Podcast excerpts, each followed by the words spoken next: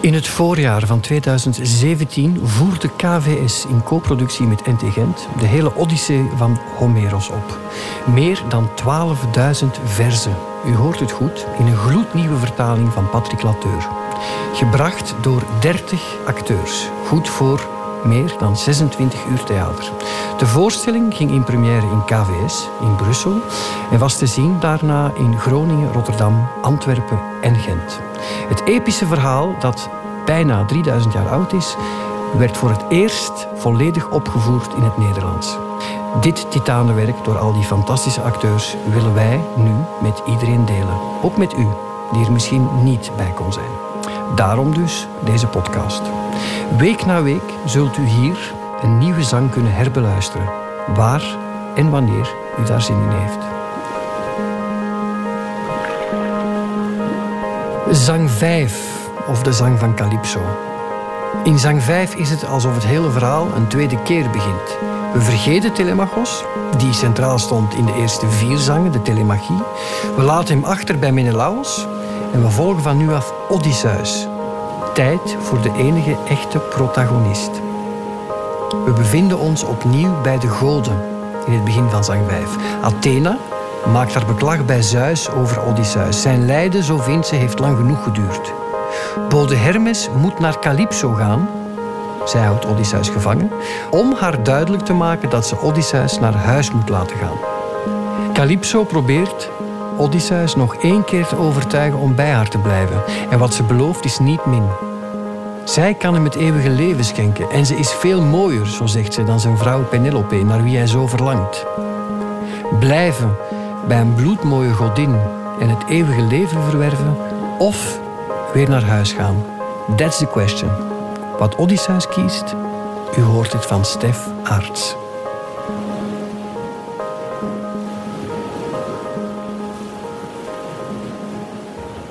De dageraad lag naast haar vierde gade, Titonos.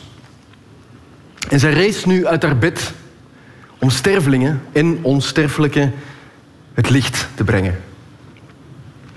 Voor een zitting namen de goden plaats, bij hen ook Zeus, wiens kracht het grootst is. Hij die dondert in de hoogte. Athena dacht daar aan het vele leed van Odysseus en deed hun het relaas. En zij was erom bezorgd dat hij nog steeds verbleef in het paleis van Nymf Calypso. Ach, vader Zeus, en jullie, Zalige goden die eeuwig zijt. Een scepterdragend vorst hoeft nu niet meer van harte vriendelijk te zijn. Zachtaardig, redelijk en wijs. Nee, hij moet altijd hard zijn en misdadig. Want niemand van het volk waarover hij ooit heerste, denkt nu nog aan Odysseus, de goddelijke held Terwijl hij toch voor hen zachtaardig was, zoals een vader. Maar hij ligt zwaar te lijden. Op een eiland bij Nymph Calypso in haar huis. En zij houdt hem onder dwang bij zich. En naar zijn land, zijn vaderland, kan hij niet meer terug. Want schepen die van riemen zijn voorzien, bezit hij niet. Geen vrienden die hem voeren over de brede ruggen van de zee. En nu is men van plan Telemachos, zijn lieve zoon, op weg naar huis te doden. Hij ging op zoek naar nieuws over zijn vader en voer naar het zeer goddelijke Pylos als ook het schitterende Lakedaimon. En Zeus, die wolken samenpakt, gaf haar als antwoord: Mijn lieve dochter, wat een woord ontsnapt er aan jouw haag van tanden. Dat Odysseus die kerels inderdaad bij zijn terugkeer zwaar bestraffen zou, dat plan heb jij toch al lang zelf bedacht. Hm? Jij moet Telemachos met overleg geleiden. Jij bent daartoe in staat, zodat hij wel en ongedeerd zijn vaderland bereikt en die vrijers op hun schip weer huiswaarts keren. En tot Hermes, zijn geliefde zoon, zei hij: Jij, Hermes, bent toch anders ook, mijn bode. Hè? Jij moet Calypso, eh, nymf met mooie lokken, eh, gaan melden dat wij vastbesloten zijn die onverschrokken Odysseus terug te laten keren. Weer naar huis te gaan. Maar zonder geleide van een god of iemand van de sterfelijke mensen. Maar hij zal op zijn vlot, aaneengebonden met vele touwen, pijn en leed doorstaan. Ja. Tot hij na twintig dagen Scheria bereikt. Grofkluitig land van de Fayaken, die nauwe banden hebben met de goden. Hem zullen zij van harte als een god met eer ontvangen en hem op een schip terug naar zijn geliefde vaderland geleiden. En brons en goud en kledingstukken krijgt hij van hen in overvloed. Nog meer dan Odysseus ooit mee had kunnen nemen uit Troje, al kwam hij veilig thuis met zijn verworven aandeel in de buit. Hm? Dat is zijn lot. Nou, dat is zijn lot. Zijn eigen volk terug te zien en in zijn huis met hoge daken weer aan te komen. In zijn vaderland. Zo sprak hij. En de bode, Argosdoder, Hermes, was niet onwillig. Bond onmiddellijk zijn mooie, gouden, goddelijke sandalen onder de voeten, die hem steeds opnieuw over het water van de zee brengen en over de onmetelijke aarde, zo snel gelijk de adem van de wind. Hij greep zijn staf, die hem bij wie hij wil het mensenoog in slaap laat toveren, of anderen weer wekken uit hun slaap. De sterke God, de Argos-doder, vloog omhoog met in zijn hand de staf en sprong eerst op Pieria om vanuit de hemel zeewaarts te duiken. Hij scheerde langs de baren. Zoals een meeuw die boven gapingen van golven op een rusteloze zee op vis jaagt en zijn dichtgevederde gevleugelte bevochtigt met zilt nat. Zo vloog ook Hermes voort, van golf tot golf. En toen hij het verre eiland had bereikt, verliet hij het viooltjesblauwe, verliet hij het viooltjesblauwe zeevlak en kwam aan land om naar de grote grot te gaan. Verblijf der nimf met mooie lokken. Hij trof haar binnen aan, waarin de haard een groot vuur aan het branden was. De geur van blokken vlammend ceder en citroenhout was ver te ruiken over heel het eiland. En daarbinnen zong zij met een mooie stem, bediende het getouw en weefde er met gouden spoel. Rondom de grot een bos in bloei met elzen, peppels, geurige cipressen waarin breedgewiekte vogels hun nesten hebben. Uh, uilen, haviken, scholvers van de zee met spitse tong die op het water erg bedrijvig zijn. En er slingerde zich rond de gewelfde grot een weelderige wingerd, rijk aan druiven. Vier bronnen deden helder water willen, dicht op een rij bijeen om verderop uiteen te vloeien, elk zijn eigen weg. En in Malse weide daaromheen een weelde van eppen en viooltjes. Al kwam daar een god, hij zou er vol verbazing kijken. En nu stond daar, vol bewondering, de bode, Argosdoder, Hermes. En zijn hart was één en al verwondering. Onmiddellijk daarop betrad de god de ruime grot en moeiteloos herkende Calypso, stralende onder godinnen, de bode Hermes, die nu voor haar stond. Ja, onsterfelijke zijn voor elkaar geen vreemden, al woont er een in een paleis ver weg. Maar Odysseus, de dappere held, trof hij niet binnenaan. Ja, hij zat zoals zo vaak te wenen op het rotstrand.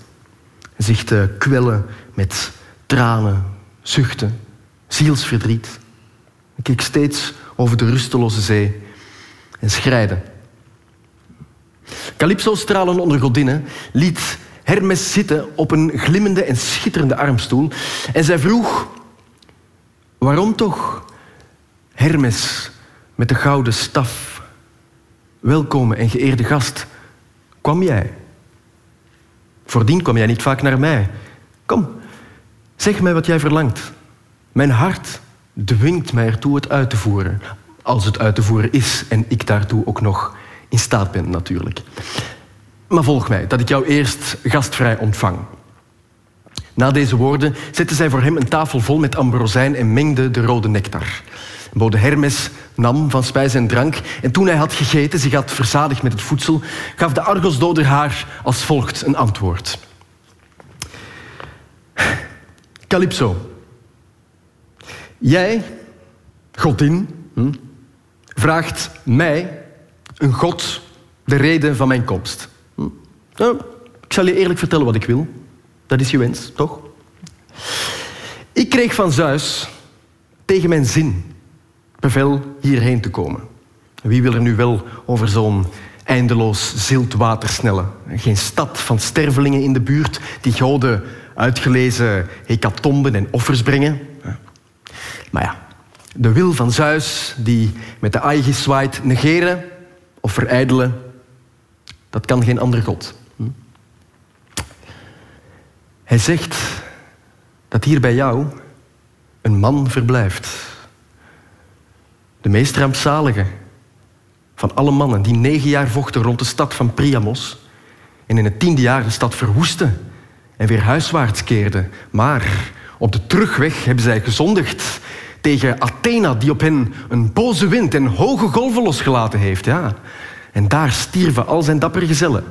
Maar hem droegen wind en golven mee en dreven hem hierheen. Zeus beveelt je Odysseus nu onmiddellijk te laten gaan. Het is zijn lot niet hier, ver van zijn vrienden, te sterven. Wel, die vrienden nog terug te zien en in zijn huis met hoge daken weer aan te komen, in zijn vaderland. Zo zei hij.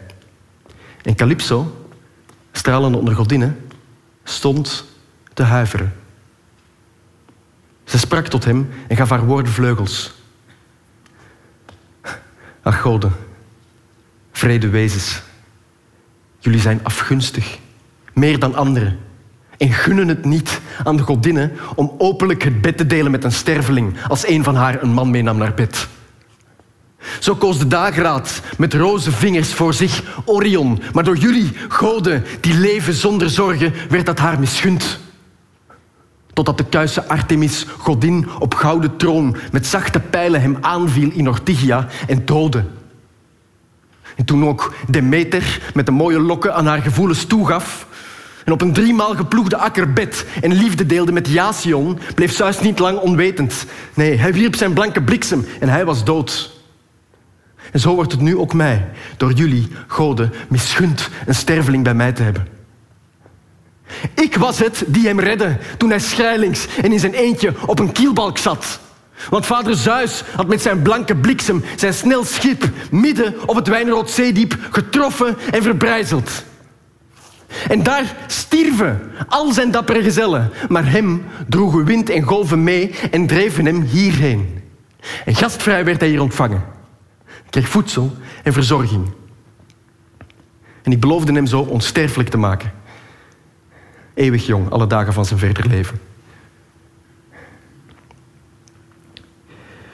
De wil van Zeus die met de Aegis zwaait.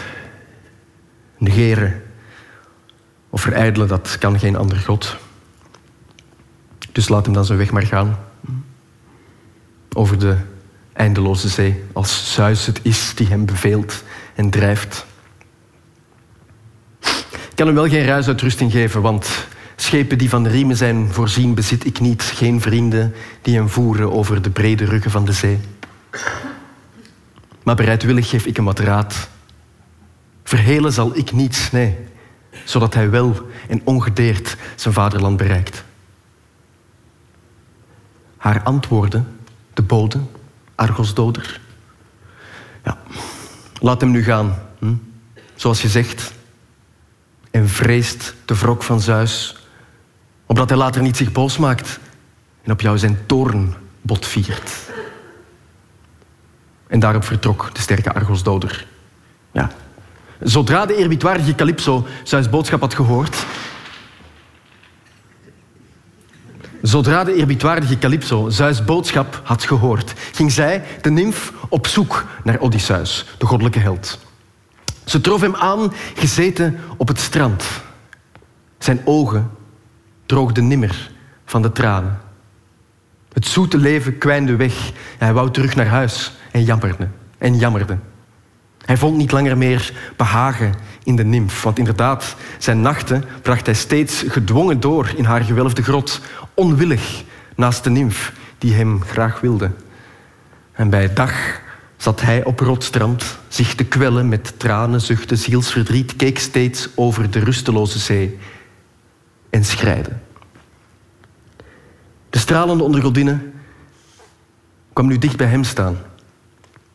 En ze sprak tot hem.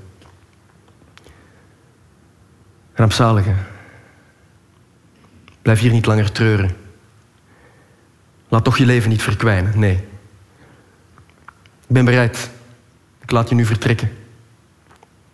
Kom aan, hak lange balken met je bijl en steek daarmee een breed vlot voor jou ineen. Daarboven timmer jij een dek met opbouw dat jou over die zee vol nevels brengt.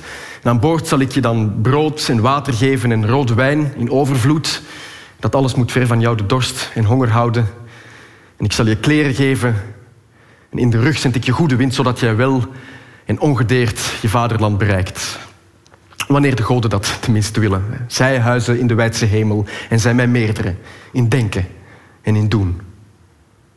Zo sprak ze. En de niet verzagende en fiere Odysseus moest huiveren. Hij sprak tot haar en gaf zijn woorden vleugels. Godin, u bent hiermee beslist iets anders van plan dan mijn terugkeer. Want u raadt mij aan de grote afgrond van de zee gevaarlijk en ontzettend met een vlot over te varen. Zelfs vol symmetrie gebouwde snelle schepen maken niet zo'n oversteek. Trots, trots op de wind van Zeus. Ik stap niet op een vlot tegen uw zin, als uw godin mij niet een dure eed wil zweren dat u tegen mij persoonlijk geen ander onheilspellend plan bedenkt. Calypso, stralend onder godinne, moest glimlachen. Streek over hem haar hand. En zo verwoordde zij wat zij toen voelde. Je bent een echte snaak. Echt niet naïef dat jij zoiets bedenkt en ook verwoordt. De aarde en de wijdse hemel boven zijn mijn getuigen nu. En ook de Styx met zijn neerstromend water. Bij de goden, de gelukzaligen, is dit de duurste en vreselijkste eed die men kan zweren. Geen ander onheilspellend plan beraam ik tegen jou persoonlijk. Ik bedenk en raad in tegendeel al wat ik zou verzinnen voor mijzelf als ik in zulke grote nood verkeerde. Want van aard ben ik rechtschapen. In mijn boezem huist geen hart van ijzer, maar van mededogen. Zo sprak Calypso en gehaast ging zij hem voor. Hij volgde op de voet de nimf. En zo kwamen zij in de gewelfde grot, de godheid en de man. En in de armstoel waar Hermes was uit opgestaan, nam hij toen plaats. En Calypso zette allerlei gerechten voor die stervelingen plachten te eten, spijs en drank voor Odysseus. En zelf ging ze zitten tegenover hem, de goddelijke held. En dienaressen boden haar nectar aan en ambrozijn. Ze strekten snel hun handen naar de spijzen die waren klaargemaakt en voorgezet. En toen zij van spijs en drank genoten hadden, begon als eerste van hen beiden Nymf Calypso, stralende onder godinne. Beschermeling van Zeus, zoon van Laertes, jij, vindingrijke, vindingrijke Odysseus. Neem jij je nu echt voor onmiddellijk naar huis te gaan, naar jouw geliefde vaderland? In elk geval wens ik je veel geluk. Maar als jouw geest nu wist hoeveel ellende jij door het lot nog verder moet doorstaan, dan bleef jij hier. Dan deelde jij met mij dit huis en werd ook jij onsterfelijk. Hoezeer jij ook verlangt je vrouw te zien, naar wie je elke dag voortdurend uitkijkt. Met trots beweer ik dat, eh, dat, dat, uh, met trots beweer ik dat ik zeker niet haar mindere ben in schoonheid of in gestalte. Het is ook wel hoogst ongepast dat vrouwen die sterfelijk zijn zich met onsterfelijke in schoonheid en gestalte willen meten. En Odysseus, de schrandere, gaf haar als antwoord... Eerbiedwaardige godin, wees daarom nu niet boos op mij. Ik weet ook zelf heel goed dat de verstandige Penelope u mindere, u mindere in schoonheid en in gestalte is voor wie haar ziet. Want zij is sterfelijk, u onsterfelijk en eeuwig jong. Maar desondanks is het dag in, dag uit mijn wil en wens naar huis te gaan, de dag te zien van mijn terugkeer. En als een godheid op het Wijnroodzeediep op mij weer inbeukt, dan zal ik dat verduren. Geduldig is het hart dat in mijn borst huist. Want op de golven en ook in de oorlog doorstond ik al erg veel en leed ik veel. Laat dus ook dit er nog maar bij komen. Dat zei hij. Schemer viel. De zon ging langzaam onder. Daarop gingen beiden achteraan in de gewelfde grot. En ze bleven daar bijeen om te genieten van de liefde.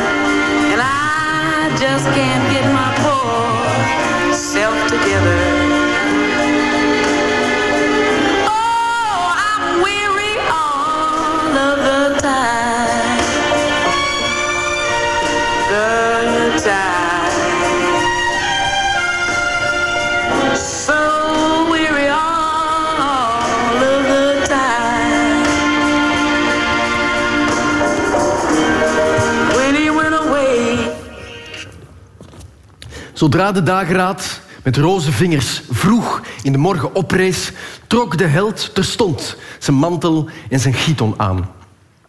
De nimf deed zich een lang en zilverwit gewaad aan, fijn geweven en bevallig, sloeg om de heup een mooie gouden gordel en hulde in een sluierdoek haar hoofd. En zij was bedacht op Odysseus terugkeer. Aan hem gaf zij een grote bronzen bijl die hem goed in de handen lag, gescherpt aan beide kanten. Daarin stak een steel, heel sterk bevestigd, mooi en van olijfhout. Ze gaf hem ook een gladgeslepen dissel en ging met hem naar een uithoek van het eiland waar hoge bomen groeiden. Uh, elzen, peppels en dennen die tot aan de hemel reikten. Allang gedroogd en verdord, die makkelijk met hem op water zouden blijven drijven. Calypso, stralende onder godinnen, wees hem die plaats aan met de hoge bomen. Toen ging ze huiswaarts. Hij begon de stammen te hakken. En zijn werk ging snel vooruit. Hij velde alles samen twintig bomen om ze te vierkanten met bronzen dissel. Vakkundig schaafde hij de balken glad en met het schietlood maakte hij ze haaks. Calypso, stralende onder godinnen, bracht onderwijl een boor. Hij maakte gaten in alle balken, paste ze bijeen en sloeg met pin en klamp het vlot ineen. Zoals een kundig timmerman de welving meet voor de brede bodem van een vrachtschip, zo breed ook maakte Odysseus zijn vlot. Hij bracht een stormdek aan met vele stutten ineengestoken. Het geheel voltooid met lange relingen. Eh, de mast erop, ermee verbonden ook de ra. En daarna het roer getimmerd om het vlot te sturen. Rondom beschutte hij met wilgetwijgjes het vlot. Een bescherming tegen watergolven. En het dek bestrooide hij met hopen hout. Calypso, stralende onder godinnen, bracht onderwijl wat linnen voor het zeil. Ook dat heeft hij met kundigheid geklaard. Hij maakte brassen, gordingen en schoten vast aan het vlot en trok op houten rollen het vaartuig in de Goddelijke Zee.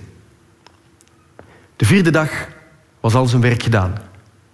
En de goddelijke nimf Calypso liet hem op de vijfde van het eiland gaan nadat ze hem gebaat had en gehuld in geurige kledij. De godheid gaf hem donkere wijn mee in een leren zak, een grote zak met water en een knapzak met proviand waarin de nimf voor hem veel soorten lekkernijen had gelegd. Ze zond een gunstige en zoele bries. En verheugd omwille van die wind ontplooide de goddelijke Odysseus het zeil.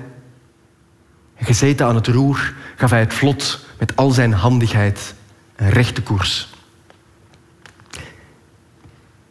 Geen slaap viel op zijn ogen neer. Hij hield de blik alsmaar gericht op de Pleiade, op Bootes, die pas laat gaat slapen. De beer, die mensen ook de wagen noemen. Hij draait altijd op één plaats rond. Hij houdt sterke Orion in het oog en baat zich als enige nooit in Okeanos. Calypso, stralende onder godinnen, had hem de raad gegeven dat gesternte gedurende zijn zeetocht links te houden. Zeventien dagen zeilde hij op zee. En de achttiende verscheen het schaduwrijk gebergte van het land van de Fayaken. Het deel dat hij het dichtst genaderd was, dat als een schild lag op een zee vol nevels. De aardschudder, de machtige Poseidon, kwam net terug van bij de Ethiopen. Van het gebergte van de Solimers zag hij van ver de held, werd in zijn hart nog meer verbolgen en de godheid schudde het hoofd. Toen sprak hij in zichzelf als volgt. Ach, ach, ach, vreselijk. De goden hebben zeker iets anders over Odysseus beslist terwijl ik bij de Ethiopen was. Hij is nu dicht bij het Fayakeland, waar hij door een beschikking van het lot ontsnappen kan aan de enorme strop van de ellende die hem overkwam. Maar desondanks beloof ik dat hij nog de volle maat van de miserie krijgt. Zo sprak hij. Hij dreef de wolken samen, greep zijn drietand, bracht het zeevlak in beroering. Uit allerhande windstreken deed hij het stormgeweld al zwellen. Land en zee omhulde hij in wolken en uit de hemel kwamen nacht en donker. Euros beukte, botste met Notos, Zephyros die huilt en loeit met Boreas, geboren in de ether, die grote golven wentelt. Odysseus ontzonk gelijk de kracht in hart en knie. En verbitterd sprak hij tot zijn dapper hart. Wee mij, rampzalig man. Wat moet er mij nog overkomen op het laatst? Ik vrees dat de godin de volle waarheid sprak toen zij beweerde dat ik nog op zee het toppunt van ellende zou beleven alvorens ik mijn vaderland bereik. Ja, nu wordt blijkbaar alles toch vervuld. In wat voor wolken hult Zeus nu de wijde hemel? Langs alle kanten steken stormen op. Het zeevlak bracht hij in beroering. Nu wacht mij vast een vreselijke dood. Oh, driemaal, viermaal zalig de Achaiërs die in die dagen in het wijdse Troje gesneuveld zijn in dienst van Atreus' zonen. Was ik ook maar omgekomen in, op die dag toen drommen van Trojanen mij bestookten met bronzen speren in de strijd om Peleus gedode zoon, dan was ik toch eervol begraven, was mijn roem door de Achaiërs alom verspreid. Een jammerlijke dood rukt mij nu weg, dat heeft mijn lot gewild. Hij sprak nog steeds toen een enorme golf daar met geweld kwam aangestormd, hem trof vanuit de hoogte en zijn vlot deed tollen. Hij liet het roer uit handen glippen en viel zelf ver verwijderd van het vlot in zee. Een vreselijke werveling van winden sloeg op de mast en brak hem midden door. Toen stortte Ra en zeildoek ook ver in zee. De golf hield Odysseus lang onder water. Als zich snel naar boven werken uit de druk van de enorme golfslag kon hij niet, want de kleren die de goddelijke Calypso hem had gegeven maakten hem heel zwaar. Na lange tijd dook Odysseus toch op en spuwde uit zijn mond het zilte zeenat dat hem in stromen van het hoofd bleef gutsen. Hoe uitgeput hij was, zijn vlot vergat hij niet, zelfs in die toestand niet. Hij zwom het achterna tussen de golven, klemde er zich aan vast en ging er in het midden op, in het midden op zitten om zijn doodsuur te ontwijken. Het, vlot werd door de zware golfslag her en der gedreven op de stroming mee. Want nu eens gooide Notos het richting Boreas om mee te sleuren. En dat was het Euros die het overliet aan Zephyros om het voort op te jagen. Maar Ino, met de mooie enkels, dochter van Cadmos, zag hem. Zij, Leucothea, een stervelinge ooit met mensenstem, genoot thans in de diepte van de zee de eer van goden.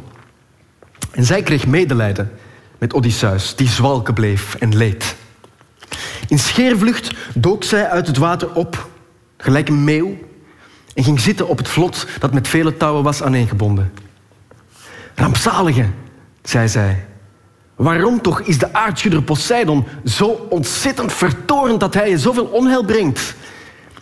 Al is hij nog zo dol, hij zal je niet verdelgen. Kom, doe jij nu wat ik zeg, je lijkt me toch geen onverstand te zijn. Die kleren trek je uit. En als een prooi laat jij je vlot maar over aan de winden. Probeer al zwemmend en op eigen kracht het eiland der Fayaken te bereiken. Ginds redding te verwachten is je lot. Hier, bind onder je borst deze sluier vast, die magisch is. En vrees tegenslag nog dood. Maar zodra je handen vast de grond gevoelen, maak jij de sluier los en je werpt hem weg, ver uit de kust, weer in het Wijnroodzeediep. Maar maar zorg dat jouw gelaat is afgewend. Na deze woorden gaf ze hem de sluier, dook als een meeuw weer in de zee vol woeling tot donkere golven de godin verborgen. Maar Odysseus, de onversaagde held, de goddelijke, aarzelde van binnen. Verbitterd sprak hij tot zijn dapper hart. Wee mij, rampzalig man. Laat dit niet weer een list zijn die een der onsterfelijke verzint voor mij. Een God die mij verzoekt mijn vlot te laten gaan. Haar raad opvolgen doe ik nog niet.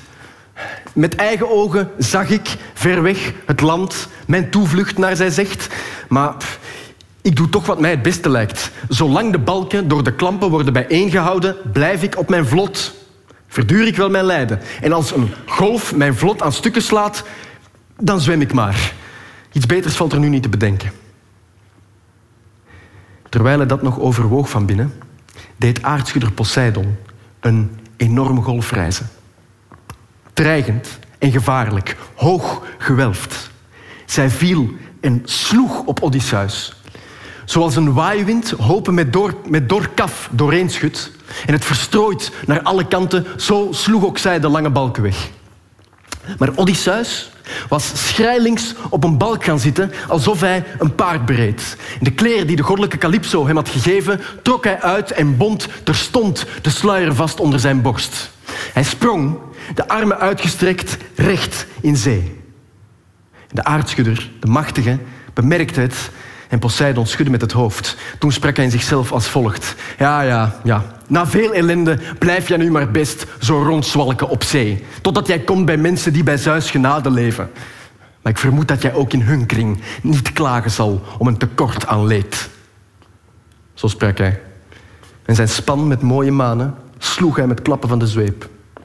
En hij kwam in Aigai, plaats van zijn vermaard paleis. Zeus' dochter Pallas, Athena, had een ander plan. Zij sloot de weg af voor de andere winden, gelaste alle hun gewaai te staken en te gaan liggen, maar zij wakkerde de snelle Boreas. Doorbrak de golven voor hem, totdat de goddelijke held het volk der roeilustige Fayaken bereiken zou, ontsnapt aan dood en noodlot. Twee nachten en twee dagen bleef hij zwerven over enorme wentelende golven. Vaak stond hem ondergang en dood voor ogen. Maar toen de dageraad met mooie lokken de derde dag deed aanbreken, hield ook de noorder op. De zeespiegel werd kalm en het was windstil. Door een hoge golf omhoog getild, keek Odysseus heel scherp voor zich en zag in de nabijheid land. Zoals de kinderen van vreugde zijn vervuld wanneer hun vader toch herleeft nadat hij ziek lag en zwaar lijden moest. Lang kwijnde en een gruwelijke God hem in zijn greep hield, tot de goden hem verloste van zijn ziekte, tot zijn vreugde. Zo was het land en woud voor Odysseus een bron van vreugde. Haastig zwom hij voort om vaste grond onder de voet te voelen. Hij was nog even ver van vaste grond verwijderd als de stem draagt van wie schreeuwt. Het bruisen van de branding tegen klippen was al hoorbaar. Grote golven donderden met zwaar gedreun tegen de droge kust die helemaal met zeeschuim was bedekt. En nergens havens waar de schepen konden voor anker gaan. Geen pier of reden. Enkel vooruitspringende kapen, klippen, riffen. De held ontzonk de kracht in hart en knie. En verbitterd sprak tot zijn dapper hart.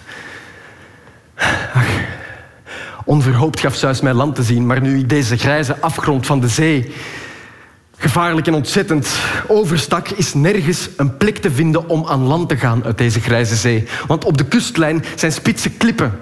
Daar rond broelt en bruist de branding. Glad de rotswand die zich daar verheft en diep de zee tot bij de kust. Onmogelijk om daar op beide voeten rechtop te staan. Poog ik aan land te gaan, een grote golf kan me tegen de harde rotsteen slaan. Mijn poging zal vergeefse moeite zijn. Zwem ik nog verder langs de kust, vol hoop, een oever zijlings blootgesteld aan golven, ofwel een inham van de zee te vinden, dan vrees ik dat een storm mij weer om wegrukt en ik zwaar zuchtend word teruggedreven over dat visrijk diep. Ofwel zou mij een god een groot zeemonster kunnen sturen, zoals de glorierijke Amphitrite er vele kweekt. Ik weet hoezeer Poseidon, de grote aardschokker, op mij vertorend is. Terwijl hij dat nog overwoog van binnen, sloeg een enorme golf hem naar de ruige kust. Zeker was zijn huid daar afgeschaafd, zijn beenderen gebroken, als niet Pallas Athena met de fonkelende ogen hem daar op een gedachte had gebracht. Hij pakte in zijn vaart een rotspunt vast met beide handen. En buiten adem hield hij die goed vast totdat de grote golf voorbij was. En zo ontkwam hij. Maar ja, zij rolde natuurlijk ruisend terug en trof hem in haar vaart een tweede maal en wierp hem weer in zee. Zoals op zuignappen van een poliep die uit zijn schuilhoek weggetrokken werd, de kiezeltjes met hopen blijven kleven, zo kleefde van zijn onvervaarde handen wat afgeschuurde huid tegen de rotsen. Hij werd door een enorme golf bedolven. Toen zou de arme Odysseus beslist zijn omgekomen. Als niet Pallas met de fonkelende ogen hem daar wat helder doorzicht had bezorgd. Waar met geweld tegen de kust de branding bruist, dook de held weer op en zwom er langs. De ogen op het land gericht, vol hoop, een oever zeilings blootgesteld aan golven, ofwel een inham van de zee te vinden. Hij zwom. Hij zwom. En kwam op de plaats waar een rivier met mooie stroming uitmondt in de zee. Die plek daar leek het beste punt te zijn, want vrij van rotsen, tegen wind beschut. Hij zag nu de rivier tevoorschijn stromen en tot de stroomgod richtte zich zijn hart. Aanhoor mij, meester, wie u ook mag zijn. Ik kom tot u, naar wie ik vurig uitkeek, uit zee gevlucht voor dreiging van Poseidon. Zelfs bij onsterfelijke goden krijgt de sterveling die zich als zwerver aandient hun achting, zoals nu ook ik, uw stroming, uw knieën zie na vele tegenslagen. Heer, deernis, weet, ik ben uw smekeling. Zo sprak hij. En de God legde terstond de stroming stil. Bedaarde ook de golfslag, verschafte hem een effen waterspiegel en veilig bracht hij hem in de riviermond.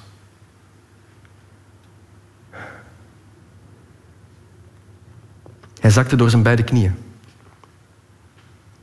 liet zijn sterke armen hangen, overmand door zeegeweld. Zijn huid was over heel zijn lijf gezwollen. Zeenat bleef maar gutsen uit mond en neus. En hij lag er ademloos.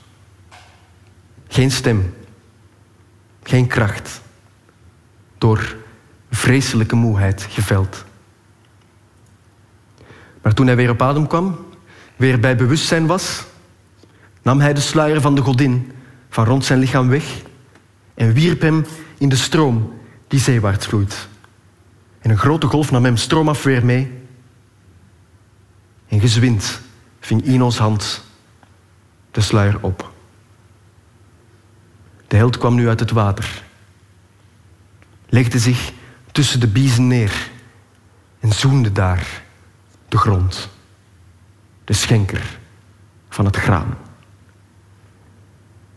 En verbitterd sprak hij tot zijn dapper hart. Ach wee, wat moet ik nu nog verder lijden? Wat overkomt mij nu nog op het laatst? Blijf ik de bange nacht door wakker nabij het water, dan vrees ik dat de scherpe kou samen met de frisse dauw mijn hart zieltogend na de uitputting nog dood. Want van het water uit waait kille wind vroeg in de morgen. Klim ik op de oever, waar lover van een bos mij wacht om daar te slapen in een dichte struikgewas, dan vrees ik voor wilde dieren buit en prooi te worden. Zo dacht hij bij zichzelf. Dit leek het best. Hij nam de richting van het bos en vond bij water op een open plek zijn doel. Twee struiken groeiden daar vlak naast elkaar, olijf en wegendoorn. Hij kroop eronder. Daar waait geen sterke bries van regenwinden. De schitterende zon werpt er haar stralen nooit. Regenbuien dringen daar niet door, zo dicht gegroeid en in elkaar verstrengeld. En daaronder kroop dus Odysseus. Al gauw had hij een, luim, een ruime legerstee vergaard met beide handen. Ja, afgevallen lover was daar in grote overvloed te vinden. Genoeg om twee, drie man in wintertijd, al is hij nog zo streng mee te beschutten. De vierde Odysseus, die niet versaagd, verheugde zich toen hij zijn leger zag. Hij legde zich er middenin en strooide een hoop gevallen blaren over zich uit.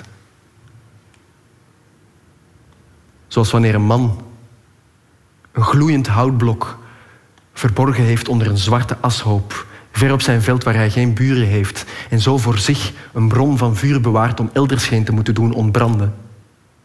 Zo dekte Odysseus zich toe met loof. En Athena God wat slaap uit op zijn ogen,